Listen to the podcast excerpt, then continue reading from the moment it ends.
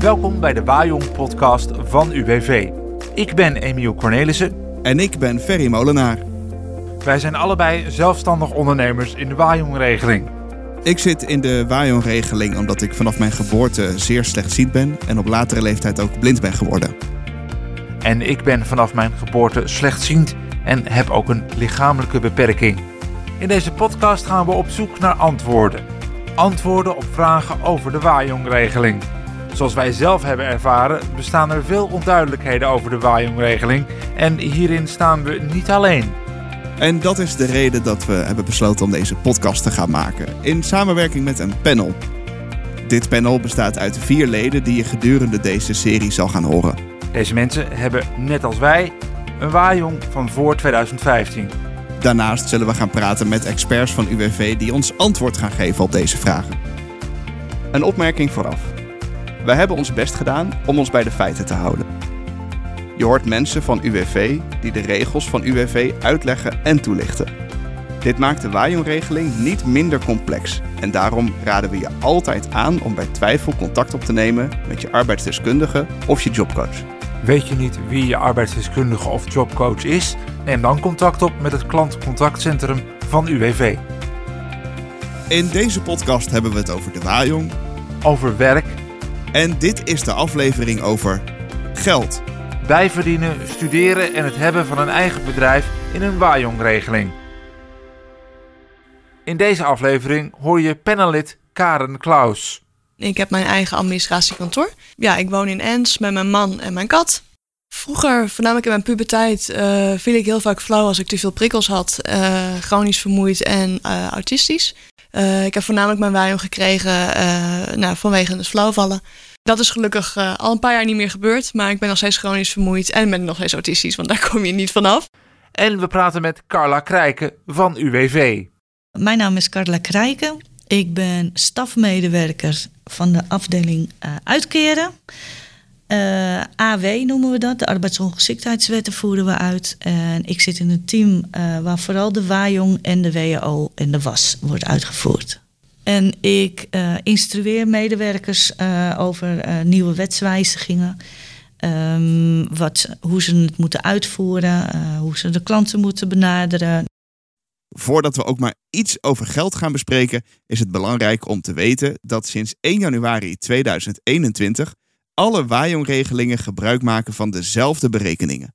Carla legt uit. De verschillende Wajong-regelingen uit het verleden die zijn allemaal samengevoegd sinds 1 januari 2021. We, noemen die, die wetgeving ook eigenlijk de vereenvoudiging van de Wajong. Uh, eh, waren allemaal verschillende rekenregels per verschillende uh, wetten van de Wajong. We de oude Wajong met verschillende uitkeringsklasses. Uh, we hadden Wajong 2010, die hadden verschillende rekenregels. En als laatste was Wajong 2015. Nou, en sinds 2021 hebben die allemaal dezelfde rekenregels. En dat betekent dat we een beoordeling in het verleden hebben gedaan of iemand wel of geen arbeidsvermogen heeft. En daarmee bepalen we ook de hoogte van de uitkering. Iemand met arbeidsvermogen heeft een uitkering van 70% van de grondslag. Iemand zonder arbeidsvermogen, dus iemand waarvan we denken die is volledig arbeidsongeschikt en ook voor de toekomst uh, volledig arbeidsongeschikt blijft, die heeft recht op een uitkering van 75% van de grondslag. De grondslag is afgeleid vanuit het wettelijk minimumloon. Dus als je het wettelijk minimumloon zou terugrekenen uh, naar een dagbedrag, uh, moet je uitkomen op de grondslag. De grondslag is dus letterlijk, op een paar centen na, hetzelfde als het minimumloon. En de hoogte van je uitkering is weer een percentage van die grondslag. Een uitkering is, is een fijne basis, uh, maar het is natuurlijk geen vetpot. En dat klopt. Daarom is het logisch als je wat wil bijverdienen. Als je arbeidsvermogen hebt en je in de Wajong-regeling van voor 2015 zit, word je daar zelfs toe aangemoedigd. Ja, het effect van werken op je uitkering, dat hangt dus inderdaad nog steeds af of er wel of geen sprake is van arbeidsvermogen. Als iemand geen arbeidsvermogen heeft, dan hebben we net al gezegd, dan kan je 75% van de grondslag uh, aan uitkering verwachten.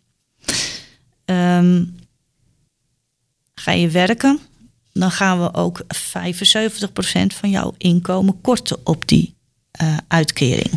Dat betekent van elke euro die je verdient, je 25 cent mag, uh, eurocent bruto mag houden. Ik benadruk even bruto, want op netto niveau kan het nog wel eens anders uitpakken, omdat loonheffingskorting. Hangt ook vanaf welke premies je krijgt. En zo. Precies, ja. En ook nog toeslagen die er eventueel uh, spelen. En die 75 procent, die, wordt dan ingekort van je uitkering. Ja. Dus effectief hou je je loon, maar wordt dat verschil verrekend met wat je aan uitkering krijgt. Zo zou je het kunnen uitleggen, ja. ja. Nou, dan hebben we nog degene die wel arbeidsvermogen hebben. Daar is de uitkering 70 procent van de grondslag. Diegenen die dan verdienen met een uh, uh, met zonder, uh, nee, met arbeidsvermogen, die houden dan 30 cent van de euro over. Wanneer houdt dat op? Wanneer verdien je genoeg en wordt je uitkering? Want er is op een gegeven moment een grens waarop, dat, waarop die berekening geen stand meer houdt. Natuurlijk. Ja, dat, dat is het moment dat je zeg maar meer verdient dan het wettelijk minimumloon. En eigenlijk dan moet je daar nog die 30% bij rekenen. Want we hebben gezegd 30% is voor jou. Dus eigenlijk als je 130% van het wettelijk minimumloon verdient, dan wordt er geen uitkering meer verstrekt. Maar alles tussen de 70 en de 100% aan minimumloon, als ik dat zou verdienen, dan. Dan heb je nog een klein stukje. uitkering. Ja. Oké, dit is wel heel veel informatie in heel weinig tijd. Luister het rustig nog eens terug als je daar behoefte aan hebt. Als je er niet uitkomt, dan kun je de rekenschema's op uwv.nl gebruiken, maar je kunt UWV ook bellen. Dan kan iemand je helpen bij het vooraf berekenen van de gevolgen voor je uitkering. Ja, het voorrekenen uit het verleden werd het wel eens niet gedaan, omdat er dan alleen maar werd gekeken van hoeveel mag ik verdienen, zodat het geen effect heeft op mijn uitkering. Ja, dat is nu geen, daar is nu geen sprake van. Dus in principe, als iemand wil weten wat is het effect op mijn uitkering, uh, zou ik er altijd bij willen zeggen van vraag om een aanpassing van je uitkering. Ja, maar dat is dus het ding, want uh, soms weet je nog niet wat je gaat verdienen of wil je weten of je de volgende maand nog je rekeningen kan betalen. nee, dat, dat snap ik. Maar dan, dan nog kan je daarna weer gaan vragen van... Goh, uh, kan mijn uitkering weer aangepast worden? Ja, maar dan blijf je dus aanpassen. Terwijl het ja, nou ja, juist en, heel dat, veel zekerheid geeft als je voordat je gaat aanpassen weet, oké, als ik dit contract teken, is dit het financiële gevolg. Ja, en ik denk dat als je dat goed uitlegt waarom je het wil, dan, dan zullen ze dat best wel voor je gaan uh, uitrekenen. Het is voor ons natuurlijk wel allemaal extra werk, hè? De, en, en, maar ik snap het wel, je wil die zekerheid hebben. Dus het zou voor ons wel uh, heel netjes zijn om, om, dat wel te doen. Daar heb ik heel hard gewerkt. Uh, mijn baas is blij met me. en die geeft mij een bonus. Wat gebeurt er dan met de uitkering? Nou, we zijn allemaal heel erg blij met de bonussen. Maar wij korten het op de uitkering. Jullie zien het als loon? Als wij zien dat als loon. Het hangt af hoe de werkgever het verantwoordt op de, op de loonstrook en ook richting de, de Belastingdienst. De dertiende maand? Ook. Gaan we ook korten. Ja, nou ja, vaak zie je de bonus rond de dertiende maand ook verschijnen. Uh, maar als de werkgever het verloont als SV-loon, dus er wordt ook loonheffing overgeheven. Ja, dan zien wij dat als loon en wordt het gekort. Even voor de helderheid. SV-loon is het loon waar de Belastingdienst mee werkt en loonheffing over verrekent. Er zijn mogelijkheden om niet gekort te worden op je uitkering als je een bonus krijgt. Denk aan een coronabonus of de werkkostenregeling. Het is al erg ingewikkeld zonder hierop in te gaan, dus heb je vragen? Stel ze dan gerust aan UWV. Dan nog even iets over het bijverdienen terwijl je geen duurzaam arbeidsvermogen hebt. Als dit het geval is, wordt er na vijf jaar een nieuwe beoordeling van je arbeidsvermogen gemaakt. Je hoeft je dus niet direct zorgen te maken. Als je wel arbeidsvermogen hebt, krijg je na vijf jaar ook een nieuwe beoordeling. Het beëindigen van je uitkering betekent overigens niet dat je er geen aanspraak meer op kunt maken. Als je na 1 januari 2016 bent gaan werken, kan je je altijd opnieuw aanmelden. Meer hierover in de aflevering over werk. Straks nog even iets over studeren. het hebben van een eigen bedrijf of het ondernemerschap in combinatie met de waaijong. Maar eerst moeten we het nog even hebben over het garantiebedrag. Aan het begin van deze aflevering zeiden Ferry en ik dat de berekeningen voor alle waaijongregelingen gelijk zijn. Maar dit is een uitzondering. Dit is namelijk nogal ingewikkeld. Zelfs penalid Karen, die boekhouder is, heeft er moeite mee. Maar nu sinds 2021 heb je dus het garantiebedrag. En dat is voor iedere waarjonger een ander bedrag. Want ze kijken naar wat je hebt verdiend in 2021. En daar berekenen ze een bedrag mee. Vraag me niet hoe. Ik heb nog gekeken uh, laatst op de UWV-site uh, voordat ik hier kwam uh, in deze podcast. Van ja, kan ik vinden hoe dat werkt?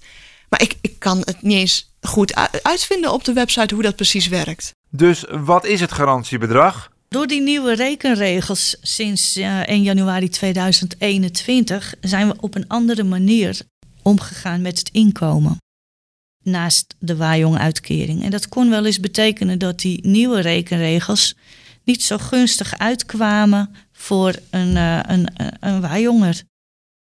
En er is toen een aanpassing gekomen om ervoor te zorgen dat je er niet op achteruit kon gaan. Dan hebben we een garantiebedrag vastgesteld.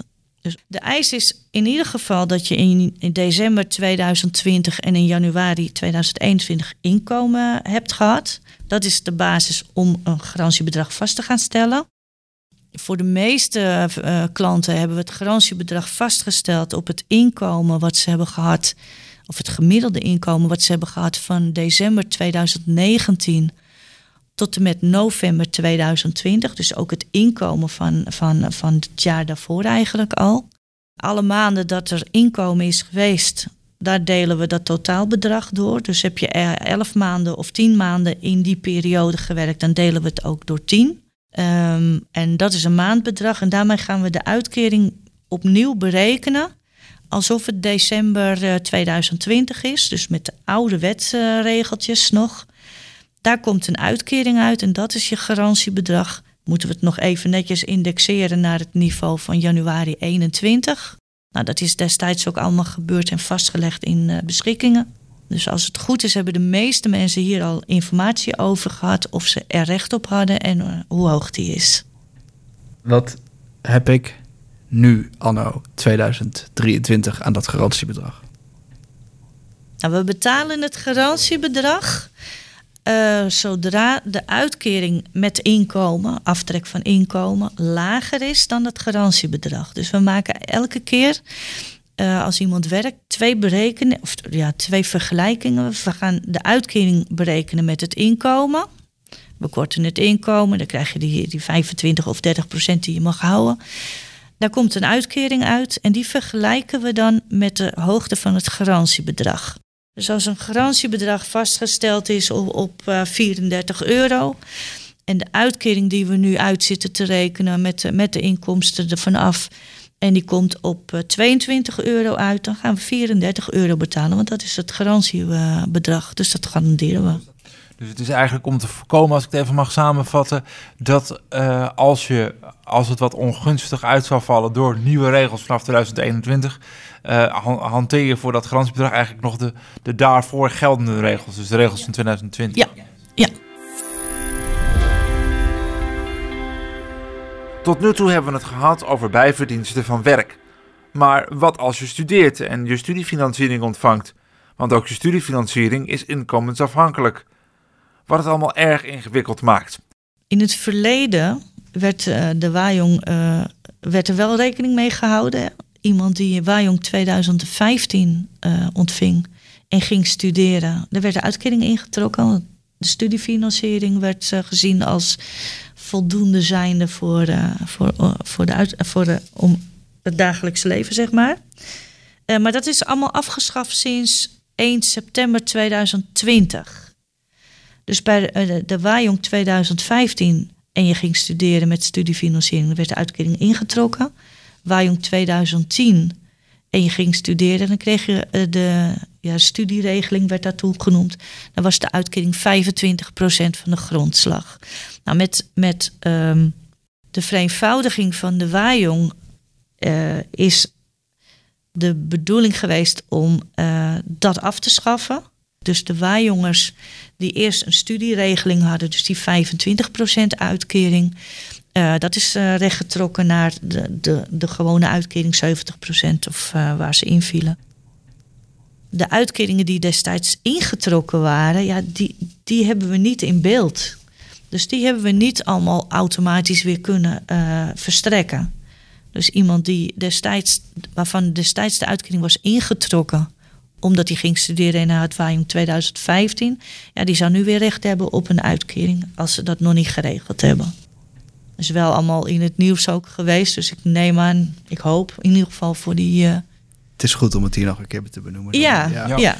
Um, heel even concreet, als je dus nu, vandaag, inschrijft voor een studie, studiefinanciering en je hebt een waaijong, dan zou je een wa misschien ja, waaijong van na 2015 hebben of ervoor. In beide gevallen blijft je waaijong gewoon. Juist, ja. Er is geen gevolg. Ja.